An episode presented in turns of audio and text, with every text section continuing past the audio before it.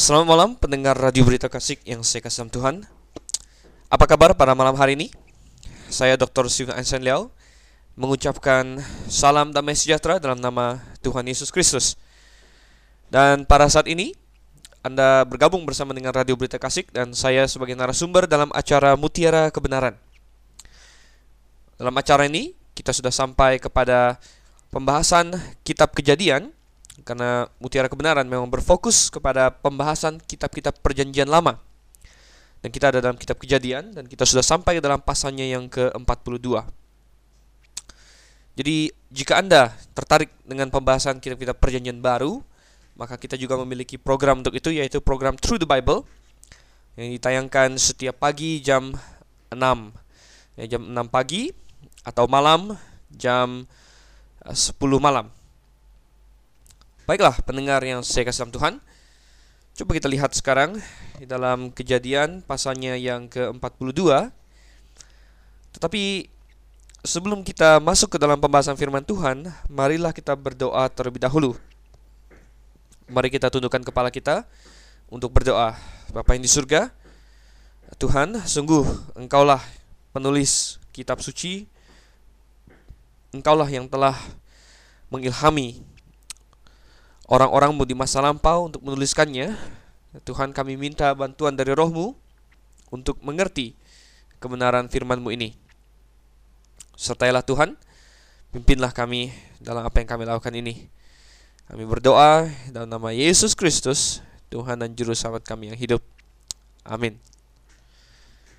Mari kita buka bersama dalam kejadian pasalnya yang ke-42 Agar Anda dapat mengikuti argumen-argumen dan pembahasan dengan sebaik-baiknya, maka sebaiknya Anda juga membaca Alkitab bersama dengan saya. Jadi Anda membuka Alkitab bersama dengan saya. Nanti kalau kita mau lompat ke ayat-ayat tertentu, kita mau melihat bagian firman Tuhan lain, itu semua dapat Anda lakukan dengan mudah. Dan Anda juga sekaligus bisa mengecek kebenaran firman Tuhan yang disampaikan. Memang karena mutiara kebenaran ini adalah program di mana kita memperhatikan kebenaran Alkitab sebaik-baiknya. Marilah kita buka Alkitab kita, ya, kecuali kalau Anda sedang di dalam mobil, mungkin Anda perlu uh, berfokus untuk menyetir. Tapi kalau Anda di rumah, silakan Anda ambil Alkitab bersama saya dan Kejadian pasal 42. Mari kita lihat ayat 1 hingga ayatnya yang kelima terlebih dahulu. Ayat 1 sampai dengan ayatnya yang kelima. Setelah Yakub mendapat kabar bahwa ada gandum di Mesir, berkatalah ia kepada anak-anaknya, "Mengapa kamu berpandang-pandangan saja? Lagi katanya telah kudengar bahwa ada gandum di Mesir. Pergilah ke sana dan belilah gandum di sana untuk kita supaya kita tetap hidup dan jangan mati." Lalu pergilah sepuluh orang saudara Yusuf untuk membeli gandum di Mesir. Tetapi Yakub tidak membiarkan Benyamin adik Yusuf pergi bersama-sama dengan saudara-saudaranya, sebab pikirnya jangan-jangan ia ditimpa kecelakaan nanti. Jadi di antara orang yang datang membeli gandum terdapatlah juga anak-anak Israel sebab ada kelaparan di tanah Kanaan. Ya, sudah yang kasih Tuhan. Kita dapatkan di sini setting dari pasal 42 melanjutkan pasal 41 di mana mereka kini sudah dua tahun masuk ke dalam tujuh tahun kelaparan yang diprediksikan oleh Yusuf. Kita masih ingat Yusuf yang tadinya dijual oleh saudara-saudaranya ke Mesir menjadi seorang budak di sana, kemudian bahkan difitnah, dimasukkan ke dalam penjara, berhasil karena pertolongan Tuhan dan karena memang rencana Tuhan demikian, dia berhasil untuk naik sampai menjadi posisi perdana menteri. Orang yang kedua paling berkuasa di Mesir, bahkan uh, hampir sama dengan Firaun sendiri. Tidak ada seorang pun yang boleh uh, melakukan apa-apa tanpa sepengetahuan Yusuf pada saat itu.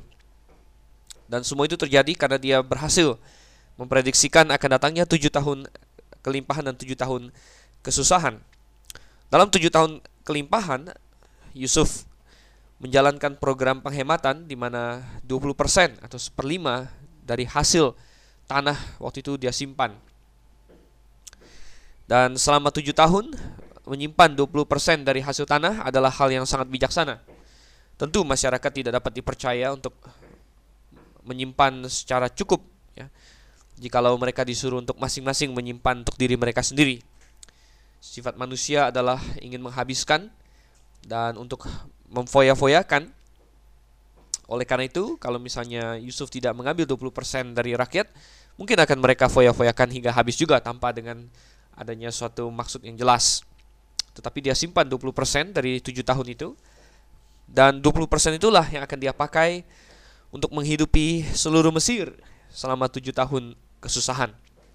Dan bukan hanya seluruh Mesir, bahkan di negeri-negeri lain orang-orang yang akan datang untuk membeli gandum di Mesir akan hidup dari 20% yang dari 7 tahun kelimpahan itu.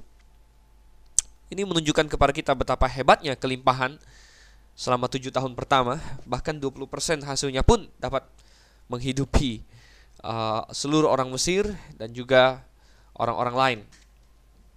Sungguh Tuhan uh, siap untuk memenuhi kebutuhan kita, ya, tetapi sering kali kalau kita ingin berfoya-foya, Tuhan tidak pernah berjanji untuk memenuhi keinginan kita, tetapi Dia memenuhi kebutuhan kita. Ada yang perbedaan antara keinginan dengan kebutuhan.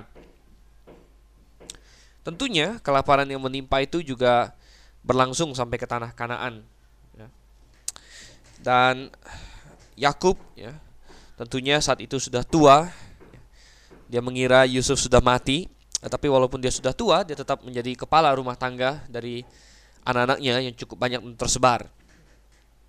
Bahkan sebenarnya kita tidak banyak tahu apa yang dikerjakan oleh anak-anak Yakub yang lain selama Yusuf masih ada di Mesir. Ya. Dari pasal 37, 39, 40, 41 berfokus kepada Yusuf. Satu-satunya hal yang kita ketahui yang terjadi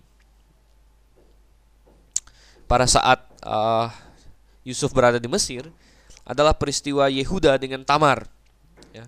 Itulah satu-satunya aktivitas dari anak-anak Yakub yang diceritakan selama Yusuf ada di penjara. Nah, kalau memang itu adalah representatif dari apa yang mereka lakukan, maka kita bisa melihat bahwa anak-anak Yakub yang lain kebanyakan uh, menghidupi hidup yang tidak sedemikian baik, ya. hidup yang ya tidak menonjol untuk Tuhan. Akhirnya setelah tujuh tahun kesesakan, eh tujuh tahun kelimpahan, sorry, ya.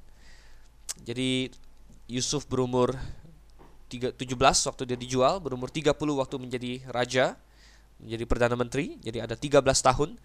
Kemudian 7 tahun kelimpahan, 20 tahun, kemudian 2 tahun kesusahan sudah lewat sesuai dikatakan dalam kejadian pasal yang ke 41 ya um, ayatnya yang ke 53 hingga ayatnya yang ke 57 ya.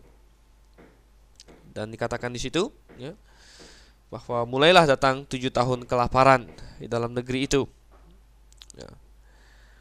dan kita melihat bahwa setelah dua tahun kelaparan Yakub menyuruh anak-anaknya untuk pergi ke Mesir jadi 22 tahun setelah mereka menjual Yusuf kita dapat membayangkan bahwa anak-anak Yakub ini tidak begitu semangat untuk pergi ke Mesir. Mereka tidak begitu suka, tentunya karena mereka teringat bahwa ke Mesirlah mereka telah menjual adik mereka Yusuf.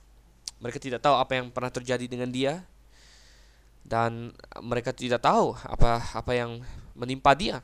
Bahkan menurut segala pertimbangan mereka tentulah dia sudah meninggal. Dan jawaban standar itulah yang akan mereka berikan kepada orang kalau ada yang menanyai mereka. Oleh karena itulah di dalam pasal 42 ayat 1 Yakub berkata kepada anak-anaknya, "Mengapa kamu berpandang-pandangan saja?" Ya. Mungkin Yakub sudah satu dua kali, ya, bahkan lebih daripada itu mengusulkan agar anak-anaknya pergi ke Mesir membeli gandum. Tetapi mereka enggan, mereka menunda-nundanya, mereka hanya berpandangan satu dengan yang lain sampai akhirnya Yakub marah. Mengapa kamu hanya berpandang-pandangan? Cepat, belilah gandum di sana supaya kita tetap hidup dan jangan mati. Memang Ah, pekerjaan utama dari Yakub sebenarnya adalah gembala dari kambing domba. Mereka punya kambing domba yang cukup banyak dan uh, mereka bukanlah penanam gandum, tetapi bagaimanapun juga mereka perlu makan gandum, saudara. Dan walaupun mereka sangat kaya, tetapi kalau misalnya di daerah sekitar mereka tidak ada gandum, sekaya apa pun mereka tidak bisa membeli gandum itu. Oleh karena itu mereka harus pergi ke Mesir, saudara. Dan akhirnya 10 orang dari anak-anak Yakub ya, yaitu selain Yusuf dan Benyamin pergi ke Mesir untuk membeli makanan. Rupanya sudah terdengar kabar bahwa haruslah uh, tuan-tuan yang pergi tidak boleh diwakili oleh hamba atau budak ya sehingga Yakub atau anak-anaknya tidak dapat menyuruh hamba-hamba mereka untuk pergi. Tetapi satu hal yang kita lihat di sini, Yakub tidak membiarkan Benyamin untuk pergi bersama dengan mereka. Tentunya Yakub sangat khawatir terjadi apa-apa dengan Benyamin. Kehilangan seorang Yusuf, anak kesayangannya, telah membuat dia trauma dan sampai pada hari itu dia masih berduka karena Yusuf. Walaupun Benyamin pada saat itu bukan anak kecil lagi, saudara. Menurut perhitungan, dia kira-kira berumur antara 23 hingga 33 tahun. Sehingga dia sebenarnya bukan anak kecil lagi, ya, dia bisa menjaga diri tetapi ayahnya tetap tidak mau untuk membiarkan dia pergi karena takut akan menimpa dia sesuatu. Dan akhirnya terjadilah sesuai dengan kesimpulan di ayat yang kelima. Jadi di antara orang yang datang membeli gandum terdapatlah juga anak-anak Israel sebab ada kelaparan di tanah Kanaan. Nah, kita lanjutkan sekarang dari ayat yang ke-6 hingga ayatnya yang ke-17. Ayat yang ke-6 hingga ayat yang ke-17 demikianlah bunyi firman Tuhan. Sementara itu Yusuf telah menjadi mangku bumi di negeri itu, dialah yang menjual gandum kepada seluruh rakyat negeri itu. Jadi ketika saudara-saudara Yusuf datang, kepadanya lah mereka menghadap dan sujud dengan mukanya sampai ke tanah. Ketika Yusuf melihat saudara-saudaranya, segeralah mereka dikenalnya, tetapi ia berlaku seolah-olah ia seorang asing kepada mereka. Ia menegur mereka dengan membentak. Katanya, dari mana kamu? Jawab mereka, dari tanah kanaan untuk membeli bahan makanan. Memang Yusuf mengenal saudara-saudaranya itu, tetapi dia tidak dikenal mereka. Lalu teringatlah Yusuf akan mimpi-mimpinya tentang mereka. Berkatalah ia kepada mereka, Kamu ini pengintai, kamu datang untuk melihat-lihat di mana negeri ini tidak dijaga. Tetapi jawab mereka, Tidak tuanku, hanyalah untuk membeli bahan makanan hamba-hambamu ini datang. Kami ini sekalian anak dari satu ayah, kami ini orang jujur, hamba-hambamu ini bukanlah pengintai. Tapi ia berkata kepada mereka, Tidak, kamu datang untuk melihat-lihat di mana negeri ini tidak dijaga. Lalu jawab mereka, hamba-hambamu ini 12 orang, kami bersaudara, anak dari satu ayah di tanah Kanaan, tetapi yang bungsu sekarang ada pada ayah kami dan seorang sudah tidak ada lagi. Lalu kata Yusuf kepada mereka, Sudahlah, seperti telah kukatakan kepadamu tadi, kamu ini pengintai. Dalam hal ini juga kamu harus diuji, demi hidup Firaun, kamu tidak akan pergi dari sini jika saudaramu yang bungsu itu tidak datang kemari. Suruhlah seorang daripadamu untuk menjemput adikmu itu, tetapi kamu ini harus tinggal terkurung di sini. Dengan demikian perkatamu dapat diuji apakah benar, dan jika tidak, demi hidup Firaun, sungguh-sungguhlah kamu ini pengintai. Dan dimasukkannya lah mereka bersama-sama ke dalam tahanan tiga hari lamanya. Jadi kita lihat akhirnya datanglah anak-anak Yusuf, anak-anak Yakub maksud saya ke tanah Mesir. Ya. Dan ketika mereka datang ke sana untuk membeli gandum, maka mereka terpaksa harus berurusan dengan Yusuf. Tentu mereka tidak tahu itu Yusuf. Ya. Dan walaupun Yusuf adalah orang nomor dua di Mesir, tentunya seorang pejabat tinggi yang waktunya sangat terbatas, tetapi rupanya uh, Yusuf walaupun memiliki banyak hamba mengontrol masalah pendistribusian makanan ini secara pribadi, saudara. Mengapa? Tentunya karena ini adalah hal yang sangat penting. Ya. Ini masalah hajat hidup orang banyak sehingga diperlukan hikmat yang sangat luar biasa untuk memutuskan semua ini. Mungkin untuk distribusi kepada orang-orang Mesir itu sendiri uh, tidak terlalu banyak dicampuri oleh Yusuf, tetapi kalau ada orang-orang luar yang ingin datang membeli gandum, maka mereka harus menghadap kepada Yusuf terlebih dahulu.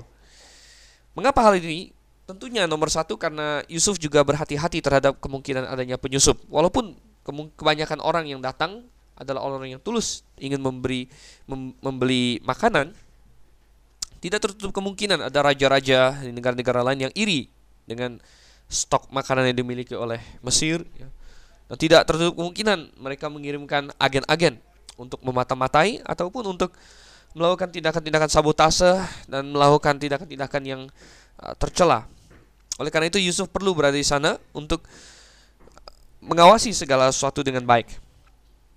Untuk itu saudara kasih Tuhan, akhirnya Saudara-saudara Yusuf berhadapan muka dengan muka dengan sang penguasa, sang mangku bumi dari Mesir ini.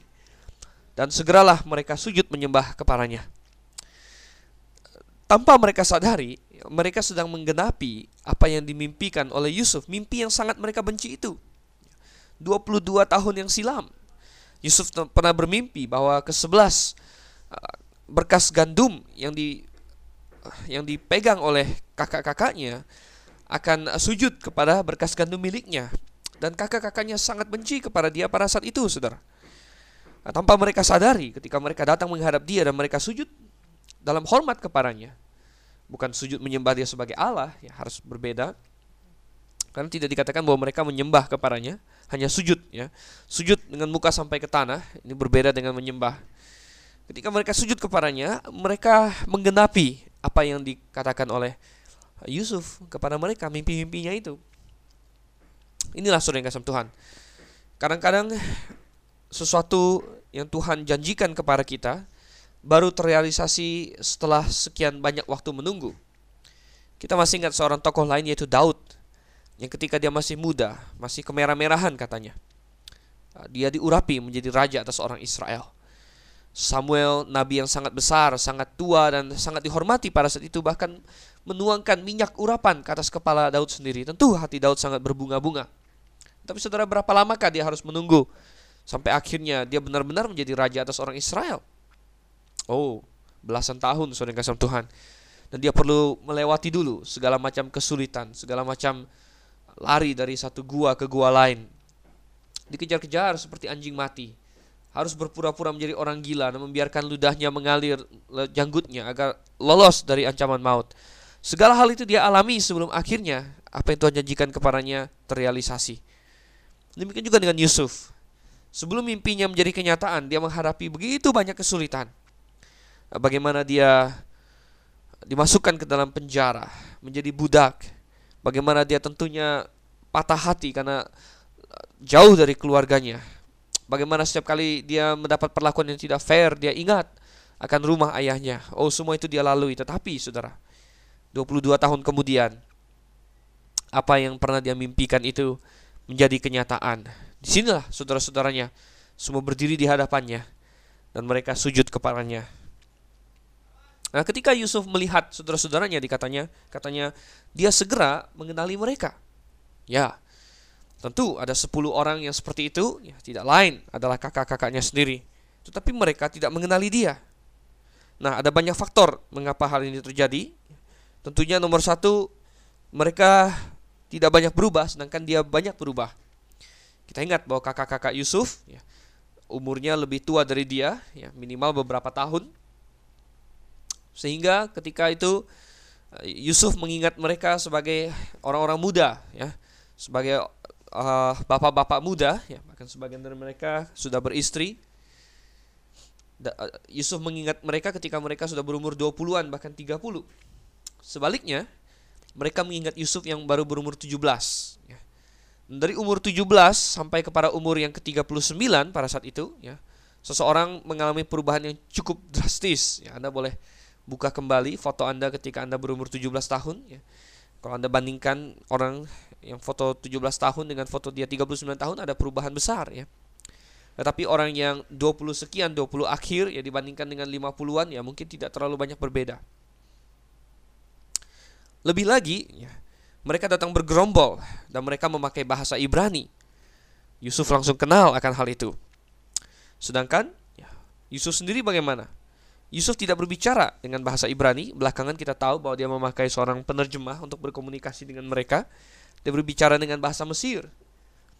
Dan dia tidak seperti yang mereka sangka-sangka, kalaupun mereka menyangka Yusuf masih punya kemungkinan hidup, tentunya mereka menyangka Yusuf sebagai seorang budak. Tidak pernah terpikir dalam mereka Yusuf akan menjadi seorang pemimpin.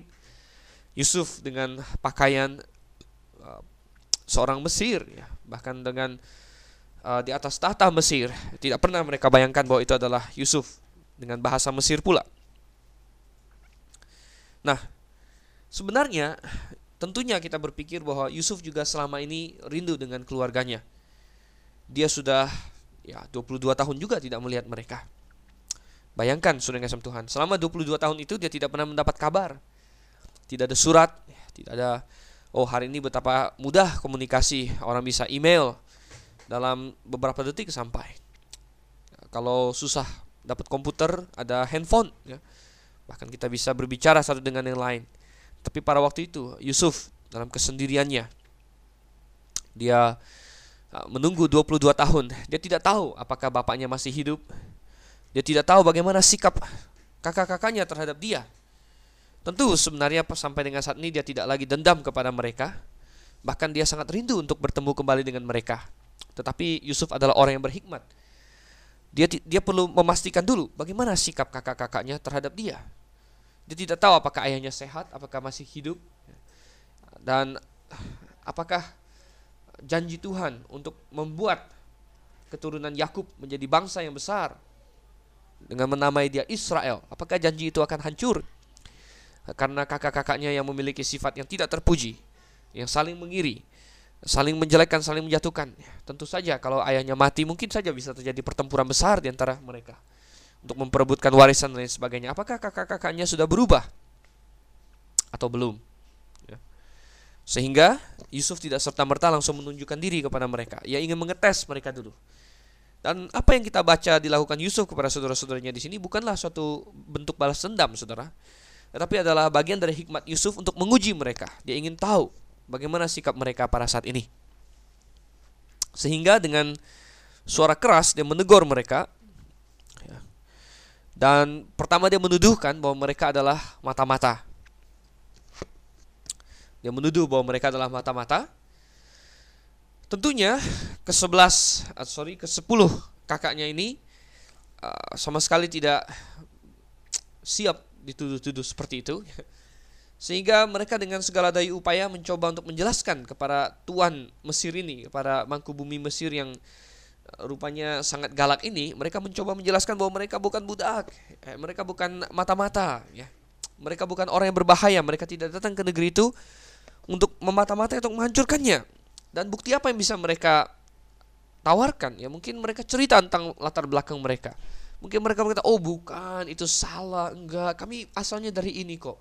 Oh, kami enggak, kami begini kok. Sebenarnya kami begitu. Jadi, dengan mau tidak mau mereka menceritakan latar belakang mereka. Tanpa mereka sadari, mereka menceritakan bahwa kami semua adalah anak dari satu orang ayah. Ya. Dan maksud mereka adalah betapa tidak mungkinnya kami mata-mata. Ya. Tidak ada raja yang akan mengirim mata-mata sekaligus sepuluh. Sekaligus sepuluh kakak beradik pula begitu. Dan dengan itu mereka mencoba menenangkan hati Yusuf tanpa mereka tahu bahwa Yusuf tahu semua itu. Dan di dalam mereka menceritakan, akhirnya mereka bilang, tadinya kami berdoblas, tapi yang satu sudah mati. Itulah yang mereka asumsikan uh, tentang Yusuf. Dan kemudian yang bungsu, dia bersama dengan bapak kami. Nah, tentunya ketika mendengar tentang yang satu lagi yang bungsu, Yusuf langsung teringat akan Benyamin. Benyamin adalah adik kandung dari Yusuf sendiri, anak Rahel yang terakhir yang uh, di mana uh, Rahel meninggal karena melahirkan Benyamin. Yusuf tentunya sangat kangen dengan adiknya ini. Dia adalah satu-satunya saudaranya yang waktu itu tidak berbuat jahat kepada Yusuf karena memang dia adik kandungnya dan masih terlalu kecil. Semua saudara-saudara lain pernah bentrok dengan Yusuf, tentu dia sangat rindu dengan adiknya Benyamin. Tetapi Yusuf tidak bisa tahu apa yang terjadi dengan Benyamin.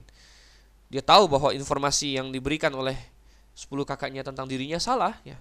Kakak-kakaknya bilang bahwa yang yang satu sudah meninggal, padahal dia belum meninggal. Yang satu bersama dengan bapaknya.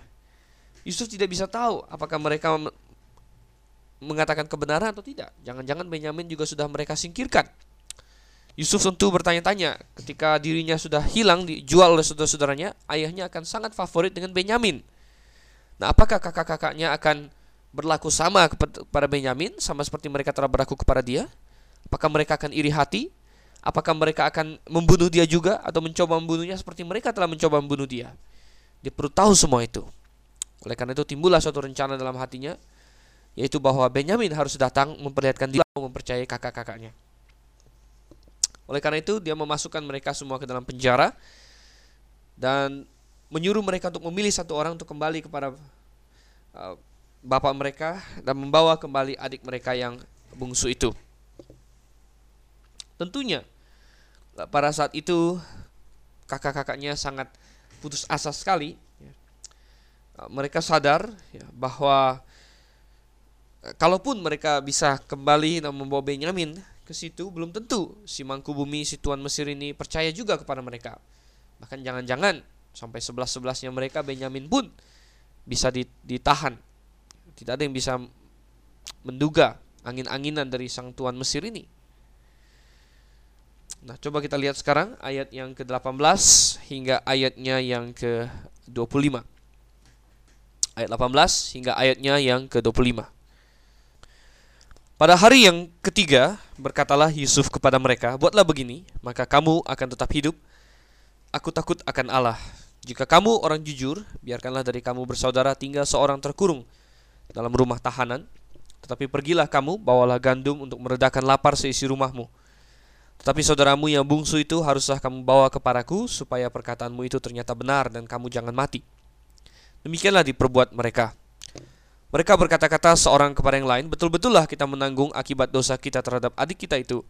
Bukankah kita melihat bagaimana sesak hatinya ketika ia memohon belas kasihan kepada kita, tetapi kita tidak mendengarkan permohonannya. Itulah sebabnya kesesakan ini menimpa kita. Lalu Ruben menjawab mereka, Bukankah dahulu kukatakan kepadamu, Janganlah kamu berbuat dosa terhadap anak itu. Tetapi kamu tidak mendengarkan perkataanku. Sekarang darahnya dituntut daripada kita. Tetapi mereka tidak tahu bahwa Yusuf mengerti perkataan mereka sebab mereka memakai seorang juru bahasa. Maka Yusuf mengundurkan diri dari mereka lalu menangis. Kemudian ia kembali kepada mereka dan berkata-kata dengan mereka. Ia mengambil Simeon dari antara mereka lalu disuruh belenggu di depan mata mereka. Sesudah itu Yusuf memerintahkan bahwa tempat gandum mereka akan diisi dengan gandum dan bahwa uang mereka masing-masing akan dikembalikan ke dalam karungnya serta bekal mereka di jalan akan diberikan kepada mereka. Demikianlah dilakukan orang kepada mereka itu. Setelah memenjarakan mereka selama tiga hari, Yusuf berpikir bahwa mungkin ada cara lain. Melihat bahwa ke sepuluh orang kakaknya mungkin semangat mereka mulai turun dan mereka sepertinya tidak dapat menemukan solusi. Akhirnya Yusuf menawarkan satu, satu solusi, tidak perlu semua mereka tinggal di dalam penjara. Lagi pula tentunya Yusuf juga bisa berempati. Bagaimana dia merasa sangat kehilangan keluarganya, tentulah keluarga dari kakak-kakaknya di tanah Kanaan merindukan kedatangan mereka kembali pulang ke rumah. Oleh karena itu, apa yang dilakukan oleh Yusuf? Akhirnya Yusuf berkata, "Beginilah ya, aku takut akan Allah. Dan menarik sekali bahwa di sini adalah kesaksian sebenarnya bagi orang-orang Israel, bagi anak-anak Yakub pada saat itu bahwa masih ada ya, masih ada pejabat tinggi di Mesir yang takut akan Allah dan menjadikan itu motivasi atau alasan landasan bagi tindakan-tindakannya. Ya, tentunya ini seharusnya membuat mereka semakin malu bahwa mereka tidak takut akan Allah ketika mereka mengacaukan adik mereka dan menjualnya ke dalam tangan orang Ismail. Nah, pada saat itulah akhirnya mereka dibebaskan dan mereka disuruh untuk memilih satu orang untuk tinggal sementara yang lainnya boleh kembali. Kita dapatkan di sini pada saat itu saudara-saudara ya, Yusuf itu berkata satu dengan yang lain. Ya, betul-betul lah kita menanggung akibat dosa kita terhadap adik kita. Mereka mengakui dosanya, saudara Inilah sebenarnya yang ditunggu-tunggu oleh Yusuf. Dan uh, kita melihat di sini bagaimana akhirnya Ruben berkata, "Bukankah sudah kuberitahukan kepadamu, jangan apa-apakan dia." Dan Yusuf tentu tentunya baru sekali ini dia tahu akhirnya bahwa Ruben tidak bersalah. Ya. Ruben telah berusaha untuk melepaskan dia dari tangan kakak-kakaknya. Bukan berarti dia tidak bersalah sama sekali, mungkin perlu saya ralat sedikit ya. Uh, tentu Ruben bahwa dia tidak berbuat apa-apa, dia tidak menceritakan apa-apa kepada bapaknya, dia tidak pergi berusaha ke Mesir untuk menebus kembali Yusuf. Dia berdosa juga dan bersalah juga sama seperti saudara-saudara yang lain, tetapi Yusuf mendengar sendiri bagaimana Ruben telah mencoba untuk ya, menasihati kakak-kakaknya yang lain untuk tidak berbuat jahat kepada Yusuf dan hal ini tentunya diapresiasi oleh Yusuf. Oleh karena itu ketika ketika dia memilih satu di antara mereka yang perlu untuk dipenjarakan, dia tidak memilih Ruben. Mestinya Ruben sebagai yang nomor satu, anak tertua, paling bertanggung jawab. atas apa yang dilakukan segenap saudara kepada Yusuf. Tetapi mendengar pengakuan Ruben sendiri, akhirnya Yusuf mengambil Simeon. Dan merupakan kesimpulan Yusuf tentunya bahwa Simeonlah yang paling bertanggung jawab atas apa yang menimpa Yusuf.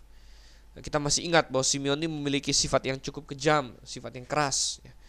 Memang sesuai dengan sifatnya itulah dia mampu untuk melakukan apa yang yang terjadi pada saat itu yaitu menjual atau bahkan merencanakan membunuh adiknya sendiri sampai rencana itu digagalkan oleh Yehuda dengan cara uh, menyuruh dia untuk dijual. Nah, yang kasih Tuhan, sebenarnya Yusuf ingin berbuat baik kepada mereka, hanya saja dia masih ingin menguji mereka. Dan karena niat Yusuf pada dasarnya adalah baik, saudara, maka ketika dia mendengar bahwa kakak-kakaknya sudah bertobat, dia segera keluar dan dia harus menangis terlebih dahulu. Dia terharu mendengar pengakuan dosa mereka. Tetapi akhirnya dia membasuh mukanya kembali, dia masuk ke dalam. Dia bagaimanapun juga harus meneruskan sandiwara ini. Dia ingin bertemu dengan adiknya Benyamin. Dan akhirnya karena dia ingin berbuat baik kepada mereka, dia tentunya menyuruh anak buahnya untuk mengisi karung orang-orang ini dengan gandum yang cukup banyak dan bahkan untuk mengembalikan uang mereka ke dalam karung mereka masing-masing. Dan apa yang dilakukan oleh Yusuf ini adalah dengan tujuan supaya uh, orang-orang Israel tentunya mendapat keuntungan. Bahkan bukan hanya itu, mereka toh diberi bekal makanan juga untuk dipakai di jalan. Karena dari Mesir sampai ke tanah Kanaan, kalau misalnya kita asumsikan Yusuf uh, Yakub sorry masih hidup di sekitar daerah Hebron dan Yusuf sendiri memerintah dari sekitar Memphis, maka dibutuhkan waktu kira-kira tiga minggu perjalanan ya dari Memphis ke Hebron. Dan supaya orang-orang Israel itu tidak perlu menghabiskan ya sak makanan mereka atau kantong-kantong makanan mereka yang telah mereka bawa pulang untuk keluarga mereka maka Yusuf masih memberi kepada mereka bekal di jalan dan ini memperlihatkan kepada kita bahwa niat baik atau niat dari Yusuf adalah baik semata-mata bukan untuk menjahati atau menghancurkan keluarganya sendiri Mencoba kita lihat ayat yang ke-26 hingga ayat yang ke-28. Firman Tuhan berbunyi ayat 26 sampai 28. Sesudah itu mereka pun memuat gandum itu ke atas keledai mereka lalu berangkat dari situ. Ketika seorang membuka karungnya untuk memberi makan keledainya di tempat bermalam, dilihatnya lah uangnya ada di dalam mulut karungnya. Katanya kepada saudara-saudaranya, uangku dikembalikan, lihat ada dalam karungku. Lalu hati mereka menjadi tawar dan mereka berpandang-pandangan dengan gemetar serta berkata, apakah juga yang di diperbuat Allah terhadap kita? Rupanya mereka berjalan pulang, ingat dibutuhkan waktu berhari-hari ya, bahkan antara 2 sampai 3 minggu antara Mesir sampai dengan ke Hebron kalau mereka masih memang masih tinggal di Hebron. Dan di dalam perjalanan rupanya bekal yang seharusnya mereka pakai dalam perjalanan itu habis minimal bagi salah satunya Akhirnya dia harus membuka karungnya untuk mendapat makanan bagi keledainya. Betapa kagetnya dia ketika dia menemukan bahwa di dalam karungnya itu uang yang dia bayarkan itu kembali di sana. Wow, dia sangat kaget dan ketika dia menceritakan kepada saudara-saudaranya yang lain dan mereka semua berkumpul melihatin karung itu, tentulah mereka semakin gemetar. Ya. Jangan-jangan mereka bisa dituduh mencuri lagi nanti. Dan satu dengan yang lain, mereka merasa bahwa ini adalah sesuatu yang Allah lakukan untuk mereka terhadap mereka karena dosa mereka yang berhubungan dengan Yusuf pada waktu itu. Kita lanjut sekarang ayat yang ke-29 hingga ayat yang ke-34, Saudara. Ayat 29 hingga ayat yang ke-34. Ketika mereka sampai kepada Yakub, ayah mereka di tanah Kanaan, mereka menceritakan segala sesuatu yang dialaminya. Katanya, Orang itu, yakni yang menjadi tuan atas negeri itu, telah menegur kami dengan membentak dan memperlakukan kami sebagai pengintai negeri itu. Tetapi kata kami kepadanya, kami orang jujur, kami bukan pengintai. Kami 12 orang bersaudara, anak-anak ayah kami. Seorang sudah tidak ada lagi dan yang bungsu ada sekarang pada ayah kami tanah Kanaan. Lalu kata orang itu, yang dia menjadi tuan atas negeri itu, kepada kami, dari hal ini aku akan tahu apakah kamu orang jujur dari kamu bersaudara haruslah kamu tinggalkan seorang padaku, kemudian bawalah gandum untuk meredakan lapar seisi rumahmu dan pergilah. Lalu bawalah kepadaku saudaramu yang bungsu itu, maka aku akan tahu bahwa kamu bukan pengintai tetapi orang jujur. Dan aku akan mengembalikan saudaramu itu kepadamu, dan bolehlah kamu menjalani negeri ini dengan bebas. Sesampainya mereka kepada Yakub mau tidak mau mereka harus menceritakan pengalaman buruk mereka. Ya, mau tidak mau karena tentunya Yakub akan terheran-heran mengapa Simeon tidak bersama dengan mereka. Dan mungkin Yakub juga akan terheran-heran ya, mengapa mereka harus kembali bersama dengan Benyamin. Jadi mereka menceritakan secara mendetil satu-satu apa yang mereka alami itu. Dan ya mereka bercerita bagaimana Yusuf, ya tentu mereka tidak tahu itu Yusuf, hanya menyebutnya Tuhan negeri itu telah menghardik mereka dan lain sebagainya dan bagaimana mereka, telah bercerita kepadanya tentang kedua belas anak Yakub yang satu sudah tiada yang satu bersama dengan ayah mereka ya. Dan sampai pada klimaksnya mereka mengatakan wah ini Tuhan ini mau supaya Benyamin datang agar Simeon bisa lepas dan agar kami boleh lagi membeli bahan makanan. Tentunya Yusuf sudah mengkalkulasikan hal ini yaitu bahwa mereka tidak akan begitu saja meninggalkan Simeon ya. lagi pula mereka perlu makanan mau tidak mau cepat atau lambat mereka akan kembali kepada Mesir dan kembali menghadap kepada dia. Dan kita lihat di sini ayatnya yang ke-35 hingga ayatnya yang ke-38 Saudara.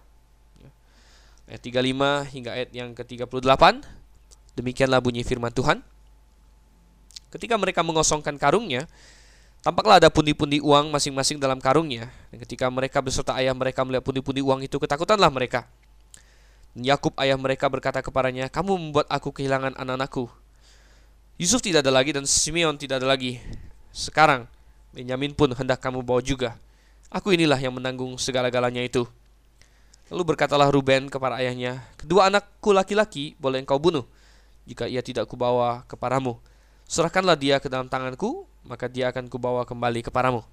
Tetapi jawabnya, anakku itu tidak akan pergi ke sana bersama-sama dengan kamu. Sebab kakaknya telah mati dan hanya dialah yang tinggal. Jika dia ditimpa kecelakaan di jalan yang akan kamu tempuh, maka tentulah kamu akan menyebabkan aku yang ubanan ini turun ke dunia orang mati karena duka cita. Jadi saudara, akhirnya selesai cerita karena tentunya ketika mereka sampai nomor satu mereka cerita dulu.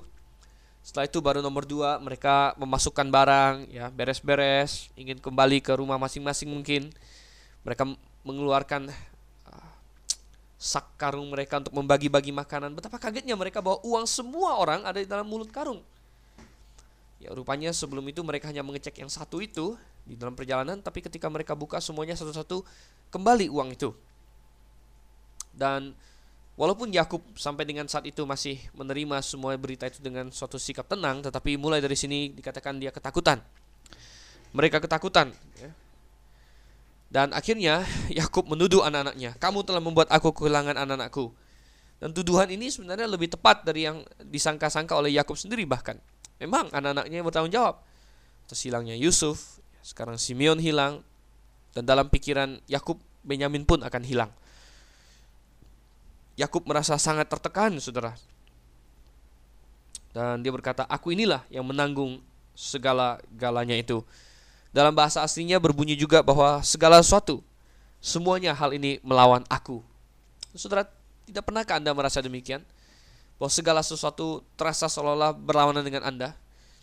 Mungkin pekerjaan mulai hancur, keluarga ada masalah, finansial Anda kekurangan, tambah lagi cekcok dengan si A. Oh, sudah ngasih Tuhan, sepertinya masalah menumpuk, sepertinya segala sesuatu berlawanan dengan Anda. Tapi saudara, Roma 8 ayat 28 masih berlaku. Di sana dikatakan kita tahu sekarang bahwa Allah turut bekerja dalam segala sesuatu untuk mendatangkan kebaikan bagi mereka yang terpanggil yang mengasihi Dia. Oh, saudara, Tuhan bekerja untuk mendatangkan kebaikan bagi mereka yang mengasihi Dia. Tanpa Yakub sadari, semua hal yang dia bilang sedang berlawanan dengan dia. Masalah Yusuf yang tidak ada, Simeon yang tidak ada, masalah prospek kehilangan Benyamin. Semua itu adalah hal kecil yang Ya, ketika dibandingkan kembali pada ujung-ujungnya Tuhan benar-benar telah mereka-rekakannya untuk kebaikan. Jadi Yakub salah, bukan segala sesuatu melawan dia, justru segala sesuatu sedang bekerja untuk dia. Ya. Sudah kasih Tuhan, oh Bukankah demikian juga dengan murid-murid Yesus? Mereka sempat berpikir bahwa semuanya sudah salah, semuanya telah melawan kita. Bayangkan tiga setengah tahun bersama sang guru yang luar biasa, tiba-tiba ditangkap, dibunuh, disalib, dikuburkan. Bahkan dicari-cari pengikut-pengikutnya oleh para Sanhedrin. Tidakkah mereka kehilangan arah? Tidakkah mereka merasa bahwa segala sesuatu berlawanan dengan mereka? Bahkan Maria Magdalena ketika pergi ke kubur, dia menangis. Mengapa? Karena dia kira tubuh Yesus sudah dicuri orang. Oh saudara, tetapi Yesus menampakkan diri kepadanya. Dan itulah saat yang paling penting dalam sejarah. Saat yang sangat vokal di mana Yesus bangkit. Yesus bangkit dari antara orang mati. Oh saudara kasih Tuhan, dia tidak tetap dalam kubur, dia bangkit. Ya. Kalau Maria Magdalena menemukan apa yang dia cari. Kalau dia menemukan mayat Yesus, maka mungkin dia tidak menangis saat itu, tetapi kita semua sepanjang zaman ini akan menangis. Karena Yesus ternyata bukan seorang juru selamat, karena tubuhnya masih dikuburkan di situ. Oh saudara, Maria Magdalena menangis. Dia pikir, oh mengapa begitu jahat sampai tubuh guru saya saja sudah tidak ada. Tetapi dalam beberapa waktu kemudian dia akan tahu justru itu yang terbaik. Kalau tubuh Tuhannya ada di situ, celakalah kita. Kita semua yang menangis, saudara. Tetapi nyatanya Yesus telah bangkit. Segala sesuatu bekerja untuk kebaikan. Camkan hal ini, saudara. Ini adalah hal yang penting. Yakub akan menemukan. Segera dia akan bertemu dengan Yusuf, Simeon, semua anak-anaknya. Tetapi pada saat itu dia hanya bisa melihat sejauh pandangan manusia saja. Dan dia merasa bahwa Benyamin sudah pasti hilang. Dan Ruben di sini, oh Ruben, kita melihat karakter Ruben luar biasa, saudara. Dia adalah seorang yang concern, peduli dengan apa yang terjadi. Dia berusaha mengintervensi, tetapi sayangnya dia tidak memiliki kekuatan karakter yang cukup. Ya, karena dia sudah pernah berbuat dosa yang sedemikian rupa juga, sehingga dia tidak memiliki kekuatan karakter yang cukup untuk mempengaruhi saudara-saudara yang lain. Dan dia bisa juga mempengaruhi ayahnya di tempat ini. Bahkan dengan suatu janji sumpah yang sangat bodoh sekali. Dia bilang kalau Benyamin tidak kembali maka Yakub boleh membunuh dua orang cucunya Nah, Ruben sangat naif di sini. Memangnya membunuh cucunya bisa membuat Yakub tambah senang? Tentu tidak. Yakub tidak mau Benyamin hilang dengan alasan apa pun. Baiklah, saudara kasih Tuhan, kita sudah belajar cukup banyak dari firman Tuhan dan kita akan lanjutkan kembali pasal 43 dan seterusnya dalam sesi berikutnya. Pada saat ini marilah kita ingat kembali tentang bagaimana Tuhan bekerja dalam segala sesuatu seperti yang sedang dia lakukan ketika dia merendah hidup tentang si Yusuf ini. Baiklah, saya Dr. Stephen Einstein Liao. Saya undur diri dulu dari hadapan Anda. Saya ucapkan maranatha. Sampai jumpa.